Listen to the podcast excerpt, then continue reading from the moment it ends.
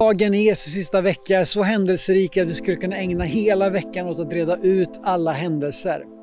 Det är den första dagen i det osirade brödets högtid, eller Pesach, som judarna firade vid den här tiden varje år.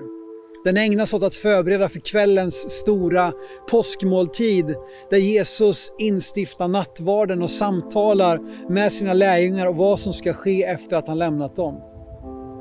Den judiska påskmåltiden handlar om att påminna sig om hur Gud befriade dem ut ur slaveriet och förde dem på en resa mot löfteslandet. Under måltiden delas fyra bägare och som alla omringas av särskilda händelser.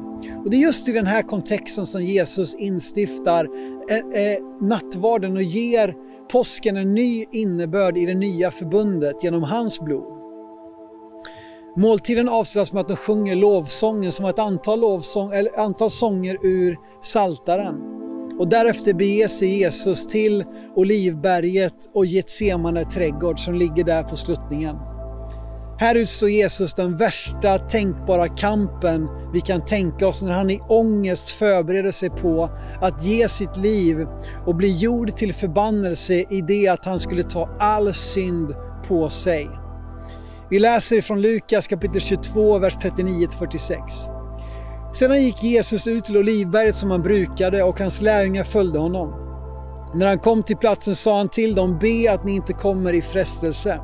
Och han drog sig undan från dem ungefär ett stenkast och föll på knä och bad. Far, om du vill så ta den här bägaren ifrån mig, men ske inte min vilja utan din. Då visades en ängel för honom från himlen och gav honom kraft. Han kom i svår ångest och bad allt ivrigare och hans svett blev som blodsdroppar som föll ner på jorden. När han reste sig från bönen och kom till lärjungarna fann han att de hade somnat av sorg. Då sa han till dem, varför sover ni? Res på er och be att ni inte kommer i frestelse. Det här var en plats som Jesus gillade att dra sig tillbaka till, en stilla olivträdgård på Olivbergets sluttningar.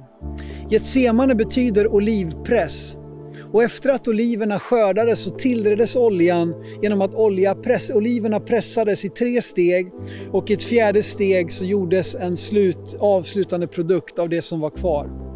Detta ger oss en fantastisk bild av Jesu lidande och vad han genom sin press som han utstår erbjuder dig och mig. Den första pressningen av oliverna är den dyrbaraste och renaste oljan eh, som var helig och avskild att använda som bränsle åt ljusstaken i templet som alltid skulle lysa. Den kallas för jungfruolja och än idag så känner vi till Virgin Oil. Ljusstaken eller menoran som stod i templet skulle ge ljus framför Gud och visa hur Guds ljus alltid skulle lysa och spridas ut över världen. Jesus var född av en jungfru och han blev avskild av Gud för att göra ett verk inför Gud som ska bestå. Det Jesus gör är ett slutligt offer till ljus för alla människor i alla tider. Den andra pressningen av oliverna var lite sämre och såldes som matolja på marknaden. På samma sätt säger Bibeln att Jesus är livets bröd och han vill fylla dina och mina behov och mätta din hunger. Den tredje pressningen började nu innehålla små bitar och den användes för att, eh, som bränsle till hemmets lampor. Jesus är ordet som vill lysa upp mörkret i våra liv. Han vill ge vägledning och skingra mörkret omkring dig. Den fjärde avslutande produkten som fanns kvar blev en slags olivsmet och den användes till hygienprodukter, tvål, salva och liknande. På samma sätt ger Jesus oss möjlighet till daglig rening, förlåtelse och ny nåd för var dag. Den här stunden i ett semane där Jesus pressas till det yttersta så kraftfullt att han till och med talar om att hans svett blev till blodsdroppar. Lukas som är en noggrann skribent vet att det här är ett medicinskt tillstånd som kan inträffa när vi är under den värsta tänkbara press och ångest. Att svettet och blodet eh, tränger igenom vår hud.